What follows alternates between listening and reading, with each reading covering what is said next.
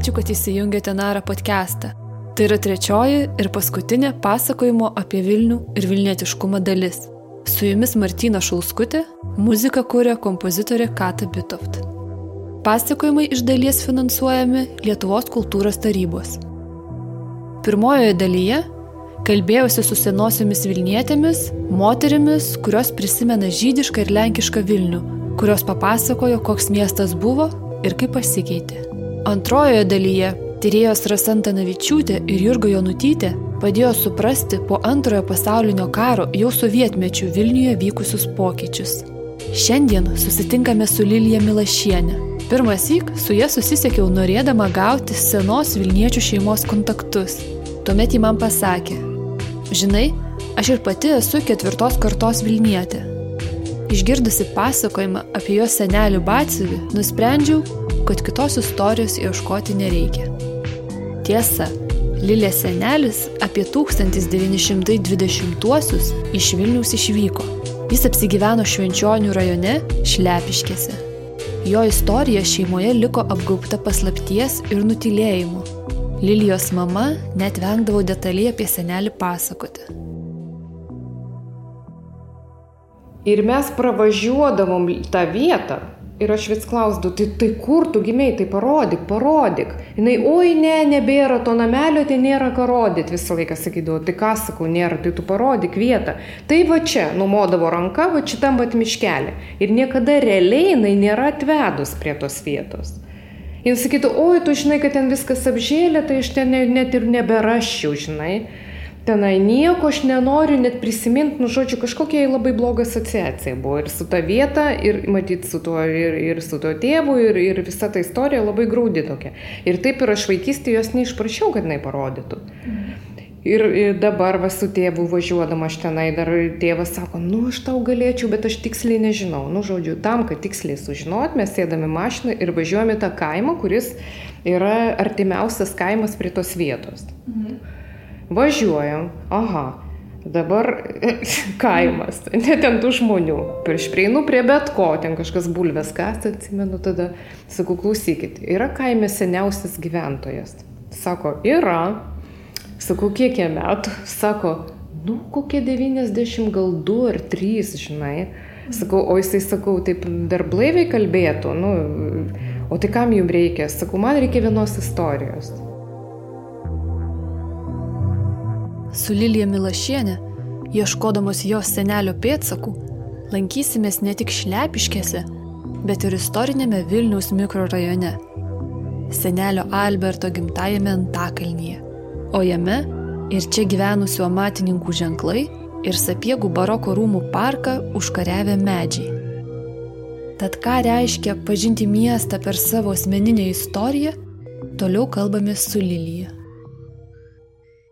Ir aš pradėjau galvoti, mhm, kaip čia ketvirtos, tai reiškia, jau mano prosenelis, jis buvo Vilnietis. Taip, jis buvo sulenkėjęs lietuvis. Ir jo pavardė rašy, rašyta buvo dvigubai ir aš vis galvodavau, kodėl čia ta, ta, ta dviguba pavardė. Ir tada aš pradėjau galvoti tiesiog, kad, e, nu man įdomu, nu, nu šaknis, kas ten yra su to proseneliu nes labai visokių pasakojimų girdėjau ir tokių ir anokių. Ir šiaip man, matai, kuo daraisi vyresnis, tai turbūt tuo tau svarbiau darosi tokie giluminiai dalykai, kurie anksčiau tau niekada nebuvo svarbus, lygyveni ir tiek. Ir mane, man pradėjo patikti tas miestas tik dabar man jis gražus, man jis yra fainas ir, ir dar sužinai, kad, aha, tai bet gal dėl to tau, tu taip ir gerai jautiesi, dėl to, kad tu jau, nu kažkaip tavo šaknis labai labai toli jau yra pasiekusias. Ir aš kažkaip galvojau, kad man reikia jo, kadangi ten daug labai paslapčių yra toj mūsų istorijų šeimos. E, ir aš galvojau, hm, na, gal tos paslaptis buvo mano mamai, bet ne man. Nu, man, man jau jos yra kaip ir, aš galėčiau galbūt e, daugiau sužinoti ir man tas, nu, man darosi tai svarbu galų gale. Socialinių mokslų daktarė Danutė Gailienė savo tyrimuose teigia, jog blogiausiai psichologiškai šiandien jaučiasi tie, kurie paklausti apie savo šeimos istoriją atsako jos nežinantys. Nara tekstų skiltyje galite plačiau susipažinti su jos mintimis. O pati monografija Gyvenimas po lūžio yra laisvai prieinama internete. Nuo mano pašnekovė Lilija sako, kad ją savo šeimos istorijos pažinimas veda į glaudesnį santykį su gyvenama aplinka. Aš niekada tokia nebuvau, tokia, nu, tokia socialiai aktyvi ir, ir man, man pačiai net labai keista, kad aš randu tokius, atrandu savo brožus, kuriuo aš neturėjau anksčiau. Mhm. Ir galbūt tai, galbūt ir siejasi kažkaip ir su to mano seneliu ir proseneliu, ką žinau. Gal paaiškės ateityje, galbūt aš sužinosiu, kad jisai gyveno visiškai prie sapiegų parko, nes aiškėja pagal tą geografiją, kurią man mhm. pasakoja, kur jie gyveno, kad jie gyveno taip tose vietose praeitą savaitę buvo ekskursija į Pontakalnį. Ir buvo apimta ta dalis, kuri yra nuo Petro Povilo bažnyčios iki Šilo tilto. Ir man buvo labai įdomi šita dalis, nes va ten jisai gyveno. Bet žinant, kad visi matininkai tuo metu gyveno e, Neries pakrantėje, mm. va šiuo metu, kur yra literatūros ir tautosakos institutas, ten buvo medinių namelių, dar yra nuotraukos, mm. ten buvo amatininkų namai. Ir tas mm. pats buvo kitoj upės pusėje, kur yra dabar Tuskulėnų šitas rezidencijos centras. Tai va, ir čia buvo būrėsi amatininkai. Tuo metu, kai Antakalnyje gyveno Lilės prosenelis Justinas, pats rajonas net nebuvo miestas. Antakalnis - istorinis Vilniaus priemiestis. Palei nerį buvo išsirikiavusi vasarnamių eilė, kuriuos poilsiautojai galėjo pasiekti ne tik keliu, bet ir valtimis, pačia upe. Tiesa, paupyje buvo išsimėčiusios ir drobelis, kurias pavasariais užliedavo potviniai. 1906-aisiais pakrantė ties Petro ir Povilo bažnyčia kiek pasikeitė. Tuomet geležinkelius Rusijos imperijoje projektavęs ir tiesęs Petras Vileišis atvyko į Vilnių. Atsivežęs didžiulę uždirbtų rublių sumą, jis čia ėmė statyti Vileišių rūmų kompleksą. Sakoma, kad čia buvo įrengta ir pirmoji Vilniuje personalinė vonia su tekančiu vandeniu. Visgi iš aplinkinio konteksto Vileišiai tuo metu ten išsiskyrė.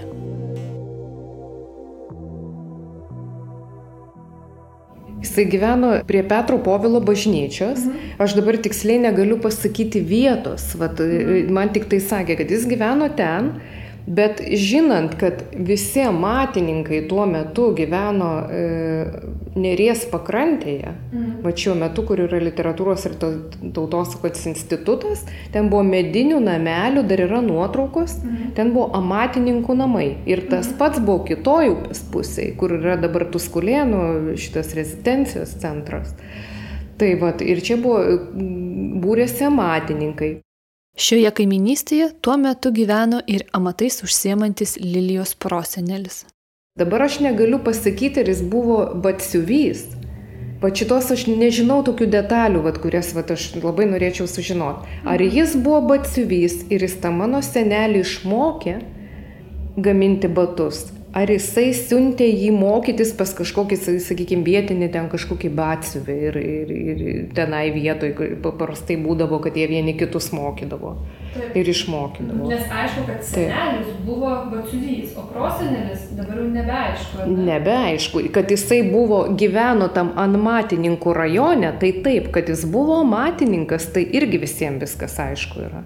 Bet ar jisai pats buvo batsiuvys, bet šito aš negaliu pasakyti. Bet neaišku, bet reikės kažkaip iški dar pasiaiškinti. Lietuvos miestuose nuo seno gyveno daug amatininkų. Ir tai lėmė, kad miestai, o ypač Vilnius, buvo daugiatautis. Pramonės plėtra Lietuvoje vėlinosi. Tad sparčiau Vilnius pradėjo plėstis tik XIX amžiaus antroje pusėje. Tuomet nutiestas ir geležinkelis iki Peterburgo, iki Varšuvos ir iki Prūsijos sienos. Gyventojų padaugėjo per pus. Po truputį amatininkus kiekiu nustelbė pramonės darbininkai. Tačiau ir jie daugiausiai Lenkai ir Žydai. Vilnius visadagi buvo labai atviras miestas, nu, dėl to jisai prisikviesdavo labai gerų amatininkų.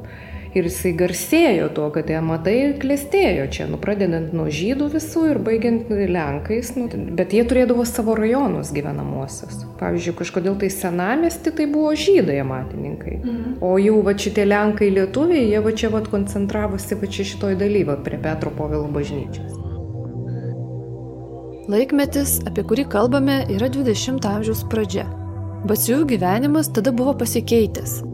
Anksčiau miesto kurpius turėdavo du pasirinkimus - priklausyti cechui ir prekiauti batais per jį, arba ieškoti klientų pats užmiestyje. Cechai reguliuodavo batsiuvių darbą, algas ir priekybą. Tačiau 20-ojo amžiaus pradžioje cechai buvo praradę galę, darbininkai pradėjo domėtis socialistinėmis idėjomis. Dar 1893 metais būtent Antakalnyje susirinkę darbininkai, kurių dalis buvo batsiuviai, pabandė įkurti Lietuvos socialdemokratų partiją. Tada jiems nepavyko, skyrėsi požiūrį į kairę politiką, bet darbininkų rateliai, kuriuose jie intelektualiai švietėsi, išliko, tik jie buvo slapti. Darbininkai slėpėsi nuo caro valdžios represijų. Kaip savo disertacijoje rašo istorikas Juozapas Paškauskas, seniausias toks ratelis veikė būtent tarp batsiuvių pameistrių. Tad batsiuviai buvo ne tik reikšmingi amatininkai, Jie buvo politiškai aktyvūs visuomenininkai. O kokiagi Batsivio Alberto iš Antakalnio istorija, kurią gali papasakoti Lilyje? Jisai gimė e, čia va toj šeimoje, gyveno čia va prie Petro Povilo bažnyčios, išmoko daryti batus ir jisai nusprendė vežti tuos batus parduoti į kaimus. Jisai sėdo, nežinau ką tenai tuo metu, arklys greičiausiai buvo kažkokia bričkelą, nu, ir važiavo į kaimus ir artimiausi kaimai tai buvo nu Vilniaus rajone, tai jisai patraukė, va, kadangi čia Antakalnio galas, Nu tai visi va čia, va, ir, ir pasirodo ten ir parduotuvė buvo Antakalnio gale, kur visi kaimiečiai iš ano galo, va čia, va, kur iš švenčionių pusė, tai jie va ten apsipirkdavo tik toj parduotuviai, pasirodo. Tai va, tai jisai irgi tą kraštą jau ėmė, ne kažkokį tenai Kauno pusę ten važiavo, o važiavo čia tiesiog nemenčinės. Ta. Ir jis atvažiavo į tą kaimą, tenai už nemenčinės, va, Čia prie, jeigu taip, kad tau orientuotis, tai čia prie Buivydžio, jeigu tu žinai tuos kraštus, nu, Baltarusijos pasienė, kitaip tariant. Jis atvažiuoja į tą kaimą ir jisai pardavinėja batus ir jis susiranda vieną dvarininką, kuris dažnai užsako jam batus. Tai yra turtinga, prabangi šeima Lenkų ir jam dažnai prašo jos, kad tu padaryk, jis atveža, jisai turi dar ir įvairių e, kokybės skiriasi, ten kažkokiem prabangesniem klientam ten labai gera kokybė, ten kažkaip į Vilnių vežti, kur taip turgui parduoti, tai mama sakydavo, ten vos ne, ne iš kartono ten pagamindavo labai greitai tenai, nu čia irgi savi, savi tokie niuansai. Ir beveždamas tos batus jis nusižiūrėjo to dvarininko dukrą. Tai yra mano senelė. Va, ir jisai, jisai ją įsimylėjo. Jis buvo vyresnė šiek tiek už jį, bet jis buvo labai gražus. Nu, iš tikrųjų, nu, ten yra iš nuotraukos ir ten jau visas kaimas sakydavo, nu, koks gražus Vilnietis, žodžiu. Jisai nusižiūrėjo ir jisai ją vedė. Bet prieš vedybas kilo didelis labai skandalas. Bajoraitė teka už kažkokio irgi tuo metu Vilniečio, Prahadimco, kaip sakė, ir dargi Litvino. Mhm. Tai čia yra trigubai blogai, ta prasme, kaip čia yra dabar.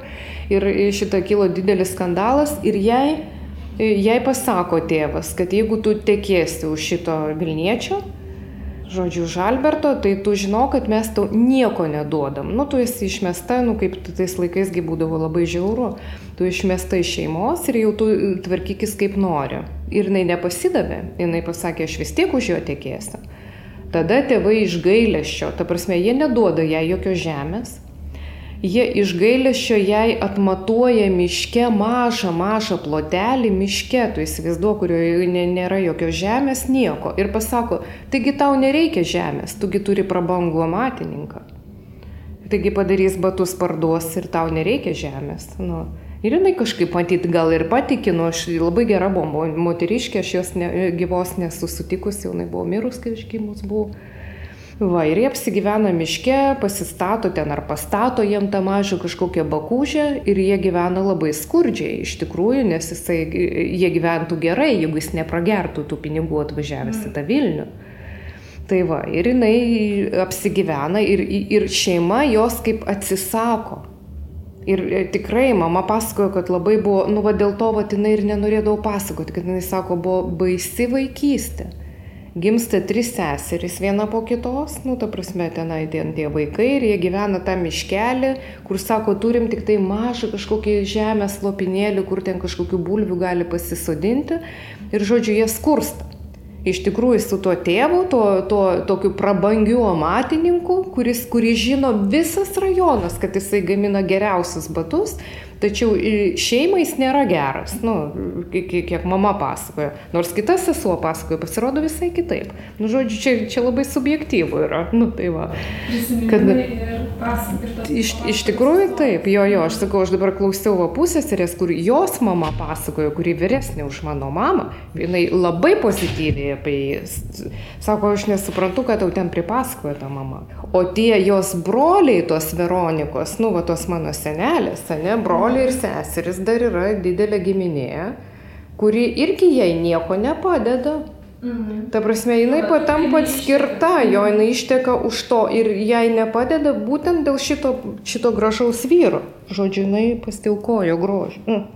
Meilė ir grožį. Meilė ir grožį, jo, jo. Tad Alberto gyvenimas, išvykus iš miesto, buvo romantiškas, o aplinkiniai jį vertino užsiuvamų batų kokybę. Tačiau jo žmona Veronika supykusi nepamirždavo pabrėžti, kad jo prastosios savybės priklauso litviniškai pusiai. Jis buvo geras amatininkas, ta prasme geras batsiuvys, garsėjantis visam tam rajone, Vilnius rajone, nu ten, žodžiu, tą užnemenčinės ten toj pusėje, kur, kur jisai gyveno ir ta mano mama, kur gimė.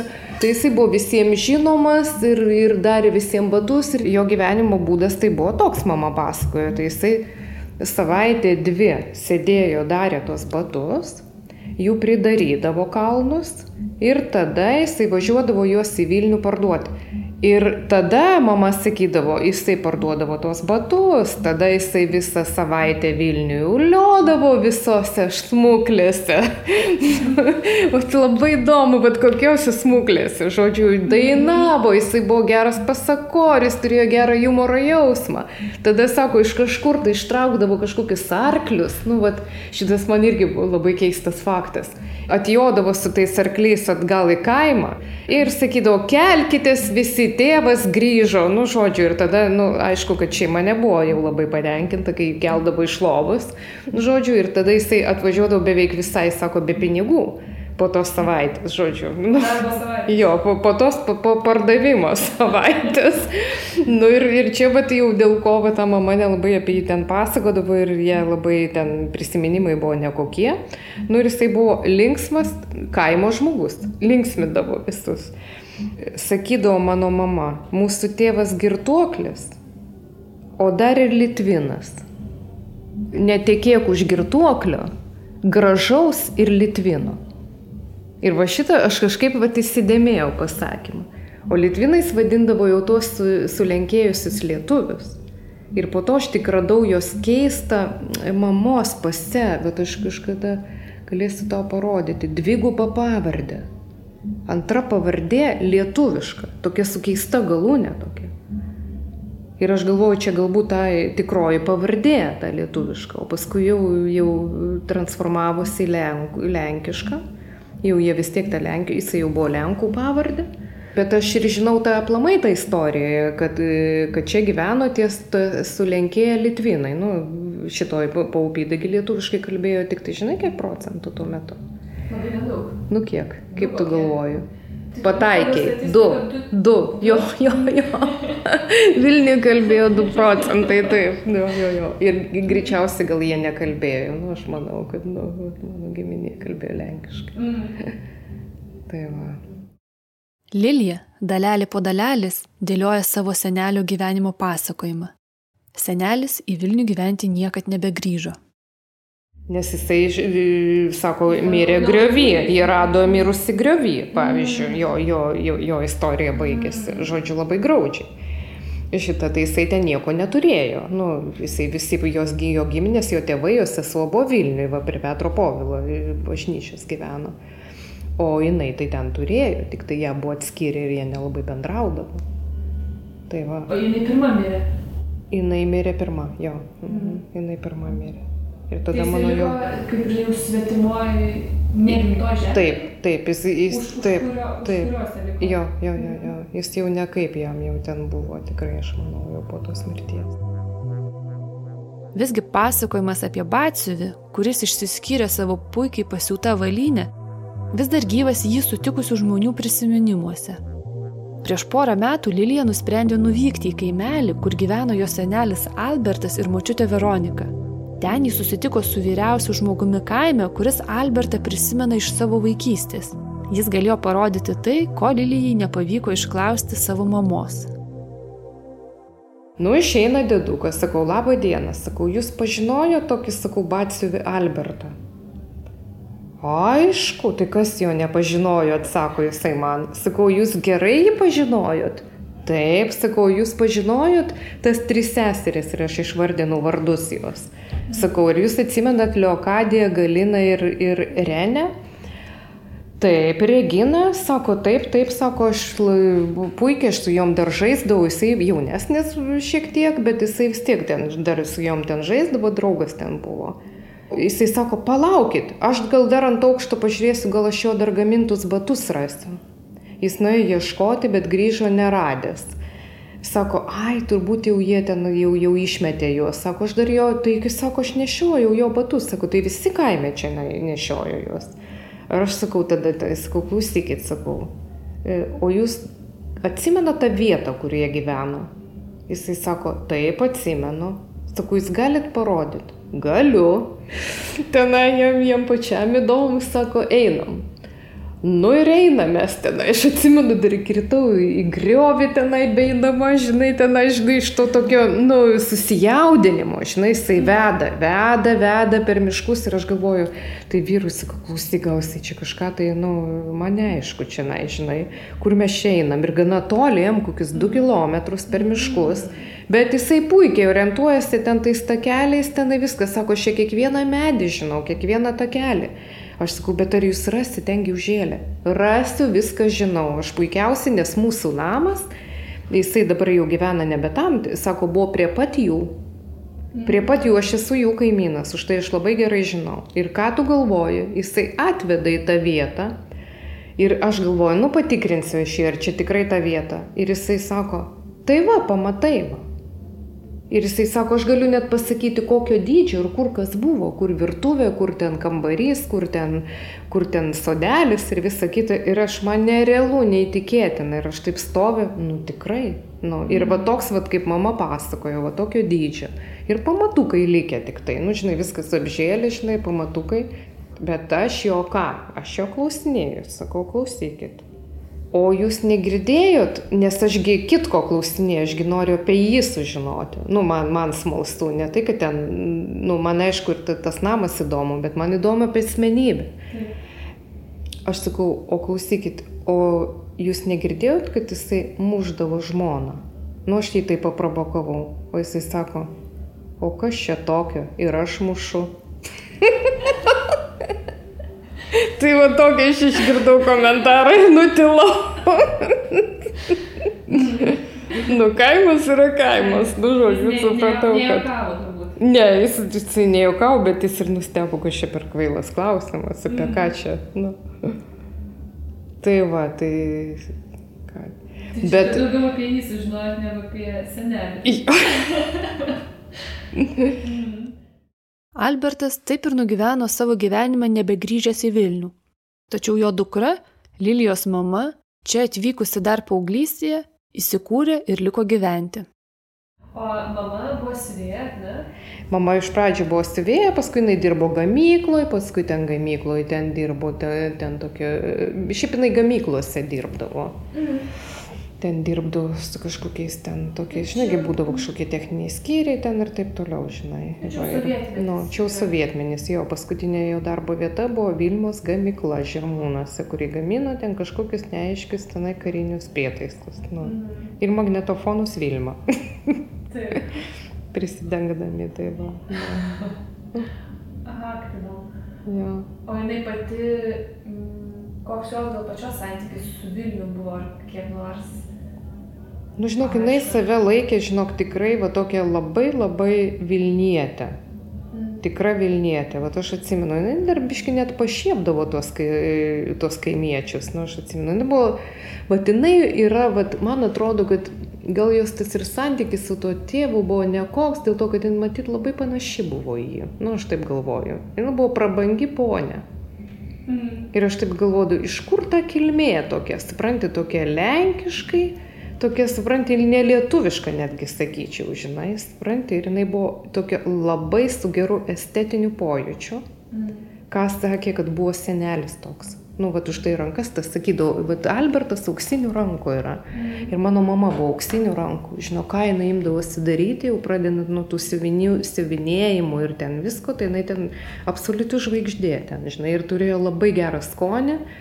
Viską ten, nu, nu tokia, nu, nu, ką tu vaikeli, nu, jinai iki gyvenimo, žinai, ten jau 80 metų, jinai ten skambina man ir sako, klausyk, tu žinai, ką aš pamačiau, kad dabar labai madinga kelnes su nuleistais klynais, žinai. Aš galvoju, kad man reikia kažkaip įsigyti jas. Tai tada man jau. jo. Įsigijo?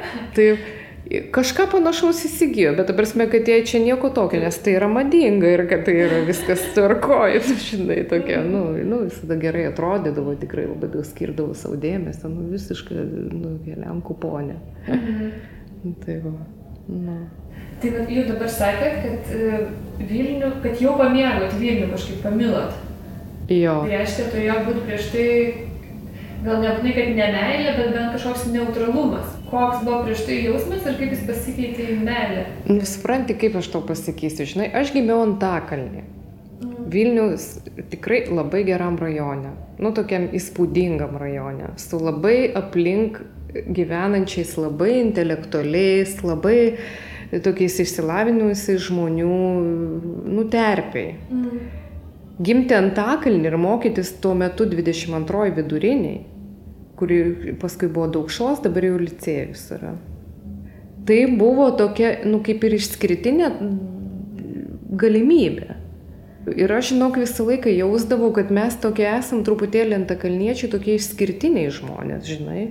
Ir ne, aš nepasakyčiau, kad aš blogai jaučiausi jaunystėje, būdama tam Vilniui, man, man labai jisai patiko ir aš, aš tai- tiesą pasakius, kad aš tokia tapatybė su to Vilnium, žinok, turėjau tikrai nuo, nuo, nuo pat gimimo, žinai. Tu klausiau, kodėl dabar, žinai, aš pradėjau, nu, ieškoti, todėl kad Nu, aš pradėjau pastebėti dalykus, kuriuos aš anksčiau nepastebėdavau. Jaunystėje tu gyveni emociškai. Mhm. Aš buvau ypač toks ta, tas, e, tas žmogus, kuris per gyvenimą ėjo labai iš emocinės pusės, iš tokios, žinai, aš, ne- nu, man buvo gražu, aš nieko nefiksuodavau, nei tų faktų tenai, nei, nei kažkas, tai ten, kad visos vietos susijęs su kažkokiais įvykiais ir emocijom. O dabar aš pradėjau daugiau gal žiūrėti istoriškai, nu kažkokiu ten ieškoti kažkokių faktų, kažkokiu tenai sąsajų to Vilnius su kitais Europos miestais. Nu mane pradėjo dominti tiesiog kiti dalykai. Ir aš pradėjau atrasti, kad tas Vilnius, nugi labai fainas miestas. Nu, labai gražus ir su labai puikia istorija ir man tai, nu ir aš didžiuojas, kad aš, nu, kad aš esu Vilnietė. Man gražu, žinok, yra tos visos apleistos vietos, kurios dar yra net restauruotos. Ir tikiuosi, kad jos nebus visos atrestauruotos, renovuotos iš, iš pagrindų. Nu, aš tikiuosi. Mm. Tai vad man tas yra gražu. Nu, man gražu seni medžiai, nu, kurie ten auga ir įsikomponuoja kokius nors tenai dar grįvėsius, kurie dar ne, nekur yra išlikę, žinai. Vat istoriškai man toks įdomiausias faktas, kurį aš tai žinai, ten ir perskaičiau ir kažkaip pradėjau galvoti, kad jis buvo vienas iš demokratiškiausių ir atviriausių miestų Europoje.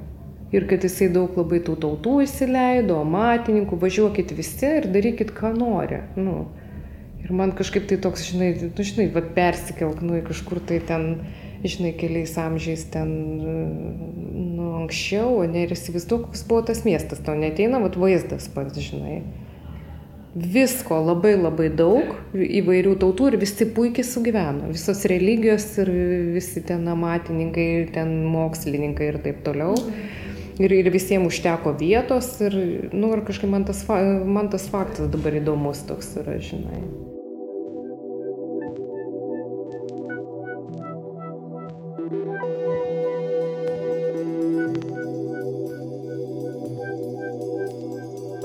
Tai, kai pažįsti ir matai miesto praeitį, nulėmė gyvenimą mieste ir kuriamą santyki su to miesto aplinka. Na, ne vien tą faktą įskaitant, kad juos jau pakviečia į Vilnių, ar ne, ir sudarydami jiem labai geras ir palankės sąlygas gyvenimui ir ten, sakykime, amatininkam ten mhm. ypatingai buvo geros sąlygos, tenai, kviesdami iš Europos ten mokslininkus ir taip toliau, sudarydami irgi jiems sąlygas, suprantate? Tai jau čia yra labai toksai, nu, nu, toks svarbus faktas yra, kad jiem jaustis gerai ir neskriausti kitų, kur atvykėlis negali skriausti to, to kas vietoje gyvena, ten yra atvirkščiai, suprantate, žinai, žinok, toks buvo įdomus miestas, tikrai, nu, fainas miestas. Nu. Mm. Tuo labiau, kad aš dabar sakau, įsijungusi tą sapiegų parko, žinai, visą tą, mm. kaip aš sakau, nesugadinimo visą istoriją. Ir kol kas mums sekasi visai neblogai ir, ir šitą ir ten, nu, bet tiesiog nužiūgu dėl to ir žiūriu, kad mane tas veža, štai, nu, kad čia Vilnių, kad čia tas toks objektas, kad ir galbūt jis bus išsaugotas, netgi taip, kaip, kaip nori Vilniečiai, o ne kaip nori ten korumpuotos kažkokios struktūros. Paveldosauginių požiūrių, sapiegų rūmai ir parkas yra ypatingi. Kaip rašo parką tyrinėjęs architektas Evaldas Purlys, Tai vienintelis vėlyvojo baroko kompleksas, kurio dauguma komponentų yra išlikę iki šių dienų arba galėtų būti lengvai atkuriami. Tai rūmus supantis erdvus kiemas, rūmus ir parką juosiančios mūro sienos, treji iš penkerių vartų, aliejų ir takų kompozicija parke. Visgi, nepaisant išlikusių elementų, pats parkas labai pasikeitė nuo to meto, kai buvo sukurtas. Miesto gyventojai jį gausiai lanko ir mėgsta tokį, koks jis yra dabar.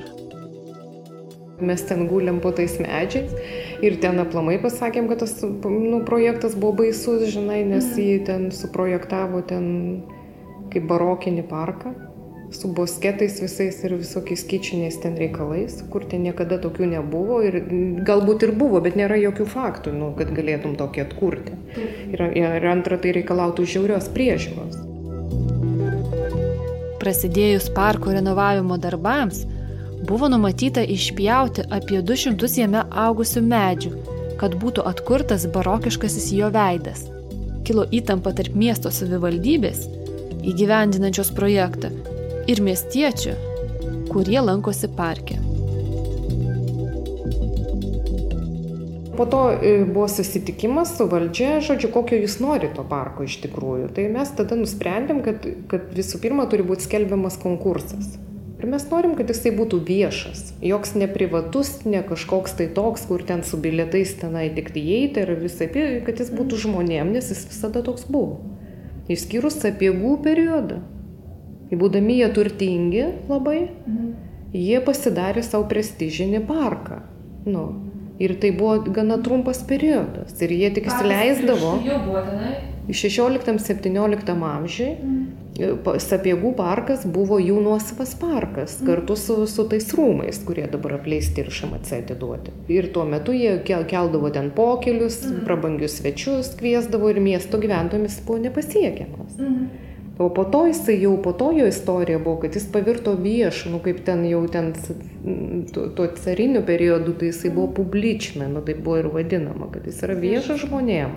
Jo, ir jį išsaugojo tik tai dėl to, kad ten kūrėsi ligoninės nu, kad ten įsikūrė ligoninė ir jinai ten nu, visą laiką buvo ir jie tą parką laikė kaip tokį reabilitacijos tokį, nu, nu, vietą tokią, žinai, pasivaikščiojimą ir už tai ten užaugo tie medžiai dideli ir kuriuos mes ten turim ir, ir norim, kad jie išliktų. Tai turbūt tam jautimusi Vilniui kaip namie ir yra svarbu uh, turėti, svarbu, kad pasijauti ir pačiam miestui reikalingas, reikalinga arba kad tas indėlis yra reikšmingas, kad gali, kad gali prisidėti prie uh, kažkaip tai jo, eigą miesto. Taip, tu teisi, tu, tu supranti, aš sakau, tu jauna dar, žinai, bet kažkaip tai jau, kai esi vyresnės, tau tie dalykai tokie, kur labai asmeniški, jie patampa tokie, nu, jie ir yra asmeniški. Mm. Supranti, ir tu galvoji kažkaip tai, nu, bet miestas tai ir, nu, jisai bus tiesiog, nu, žinai. Nu ir tuos dalykus, kuriuos tu dabar padarysi, tai jie, nu, nu, jie tiesiog gyvens, supranti, o kurių nepadarysi, tai arba leisi, kad jie nunyktų, tai jie ir jų nebus.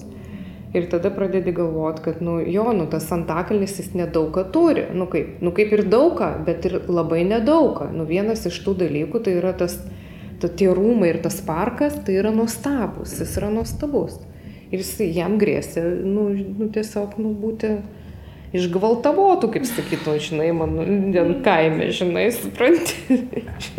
ja nu va duok dieve kad mum ten užtektų ten tos kantrybės nu tai sakau tai vat viena iš mano tokių va dabar pastaruoju metu kad nu nors vieną kažkokį kampelį vilniuj nu kad jisai nu kažkaip būtų taip kaip kaip nu žmonės nori o ne kaip kažkas tai žinai taip gal pasiseks nu.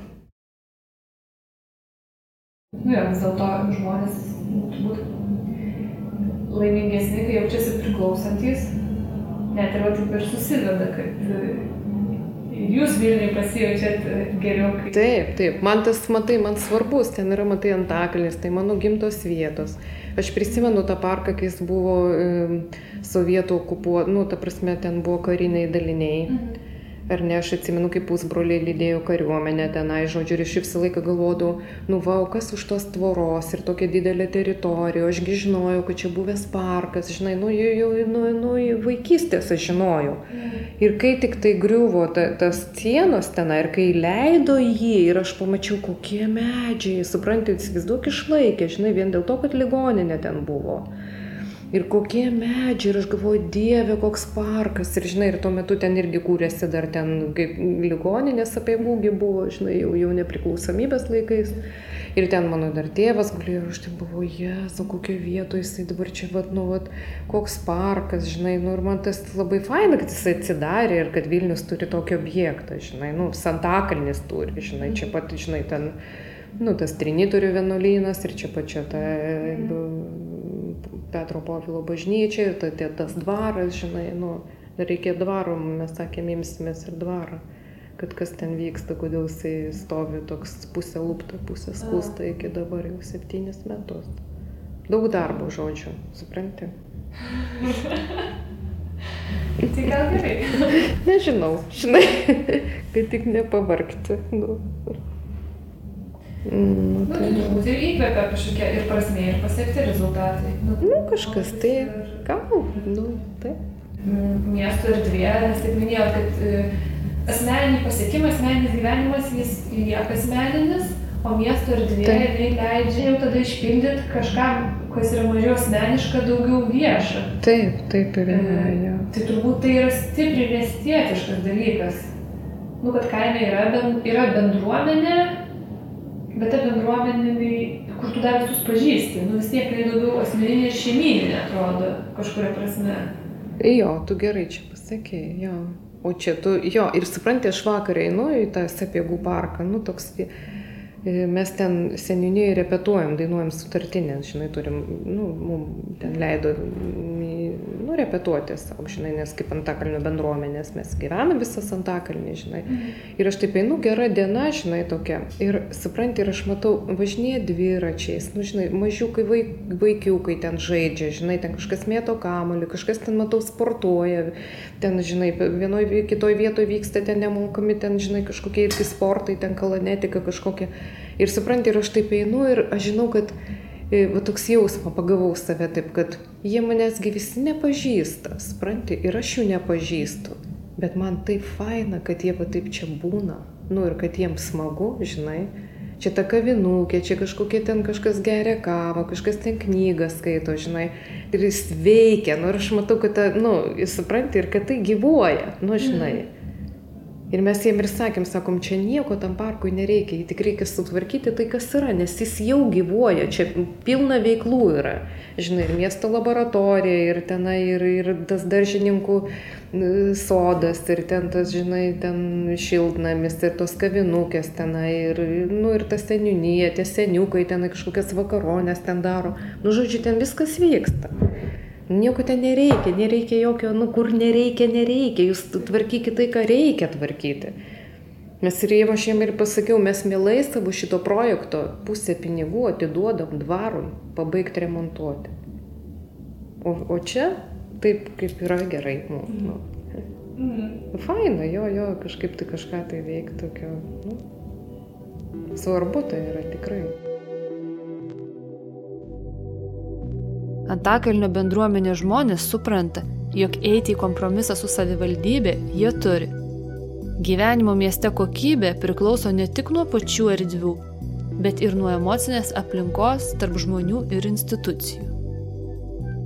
Nes emocinis yra negerai, kai jis yra blogas. Nu, pavyzdžiui, dabar žinai, kaip ta misionierių tenai, ta, ta kampa išdarkė ir kaip, kaip šitą Jokūbo bažnyčia, šitas kompleksas, neaišku, kaip čia, žinai, kaip čia viskas išvirs.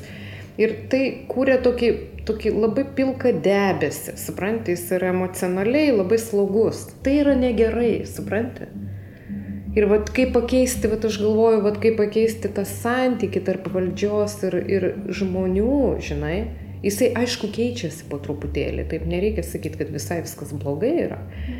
Aš manau, kad po šitų kelių nesėkmingų projektų, nu ne kelių, aišku, čia žinai ir vokė ten visą kitą, čia kažkas tai kis. Nu, ta prasme, kad aš matau, kad ir daugiau aktyvių žmonių atsiranda ir, ir kažkaip tai, bet turi keistis ir emocinis tas, nu, kaip pasakyti, kad netgi tie, kurie sako, e, kas yra blogai, nu, ir, ir, ir rašo ir visa kita, jie irgi turi kažkaip pradėti nuo tų teigiamų pusių, žinai, nuo tų sakinių tokių, žinai, kurie, kurie keistų tą emocinį Vilniaus lauką, kaip aš sakau, žinai, kad jis turėtų tokį, nu, daugiau pozityvų negu negatyvų, nu, žinai, to. Mm.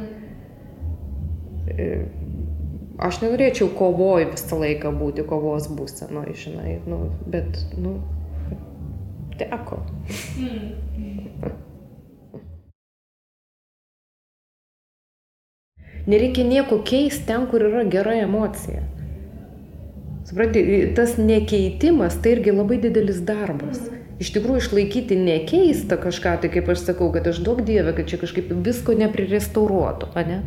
Taigi galima konservuoti, dar kažkaip tai paliktos dalykus, tai yra tikrai labai didelis darbas ir labai brangu tai padaryti. Bet aš labai norėčiau, kad vat, nu, ne, neskubėtų nieko kaitalioti. Nu, žinai, kas vat, yra, nu... Mm Ir aš turbūt tas nu. pajau, pajausti, kad ta vieta yra jau veikianti. Jo, jo.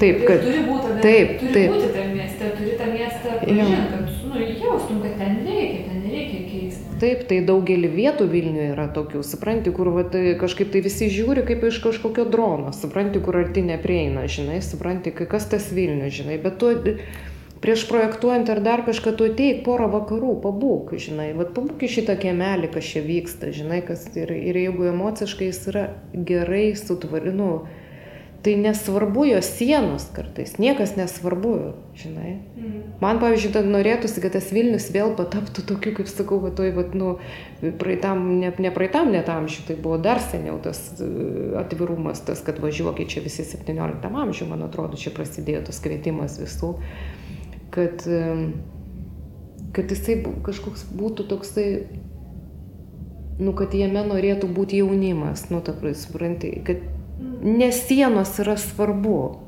Nu, svarbu yra laisvė, nu, kažkokia, kad vyktų tie dalykai. Nu, va, tu, tu turbūt žinai, apie ką aš kalbu, kad nu, jeigu jie vyksta, tai jie tegu vyksta. Nu, tik tai juos skatinkim ir kaip tik ten, žinai. Nu, ten kažkas ir iš tų bendruomenės narių ten pradėjo sakyti ir ant tech parko ten kažką, tai, nu, ten, nu, žinai, čia, žinai, naktim, ten, žinai, vos negyvena, ten tuose namukuose, ten jaunimas, ten, žinai, ten taip toliau, tenai viską, nu, ten, kur nuomojasi, nu, jie atsiai ten kontorėlėm ir ten paskui kažką tai ten kieme veikia. Aš sakau, klausykit, bet čia labai gerai, sakau. Tai sakau, tai be jo čia nebūtų jokios gyvybės, sakau, tai tegu tik jie būna ir tegu jie ten tik nakvoja. Nu, ir tegu ten geria tas savo kavas laukia ir ten nuomojasi ir tegu ten dirba ir taip toliau, žinai, supranti. Aišku, tas jaunimas ten, kaip visada jie atšokia yra, jos ten reikia visą laiką ten pasakyti, kas vyksta. Nu, žinai, kaip, ten užsidėsi savo kompą įsilindę ten, atsimenu, ten reikėjo ten, žodžiu, gul ten ten, kad tų medžių nekirstų, nes tuoj tuoj važiuoja ir čia žurnalistai suvažiavę, o tie prie kompų jaunimas tu tam, tam, tam parke dirba, žinai, tai aš ten pralėkiau, sakau, hebra, jūs čia dirbat, sakau, jūs išeikit, pažiūrėkit, kas čia vyko. Ką, kirs medžius, jie net nežino, žinai, supranti, bet juos jiem reikia pasakyti. Jau kai pasakėm, tai jie ten, o visiems ten persintė per, per kompą, ten žinutę savo ten kolegom, kaip kaimynam, ten jau jie tada suėjo ir viską ten su jais gerai, žinai. Nu. Nu, štai šis tokia daužta, tai su jaunimu mes visada gerai. Praeitų metų spalio mėnesį Vilniaus savivaldybė paskelbė atviro konkursą Sapiegų parko ir jo prieigų tvarkymo projektui. Tikimės, kad šiuo kartu sulauksime Vilniečių lūkesčius labiau atitinkančių pasiūlymų, teigia Vilniaus miesto savivaldybės administracijos direktorius Povilas Poderskis o Lilija ir Antakalniečiai tik priduria. Visada stebėsim jūs ir seksim ir jūs niekur nepadarysit jokio, jokio žingsnio, kuris bus pražiopsotas.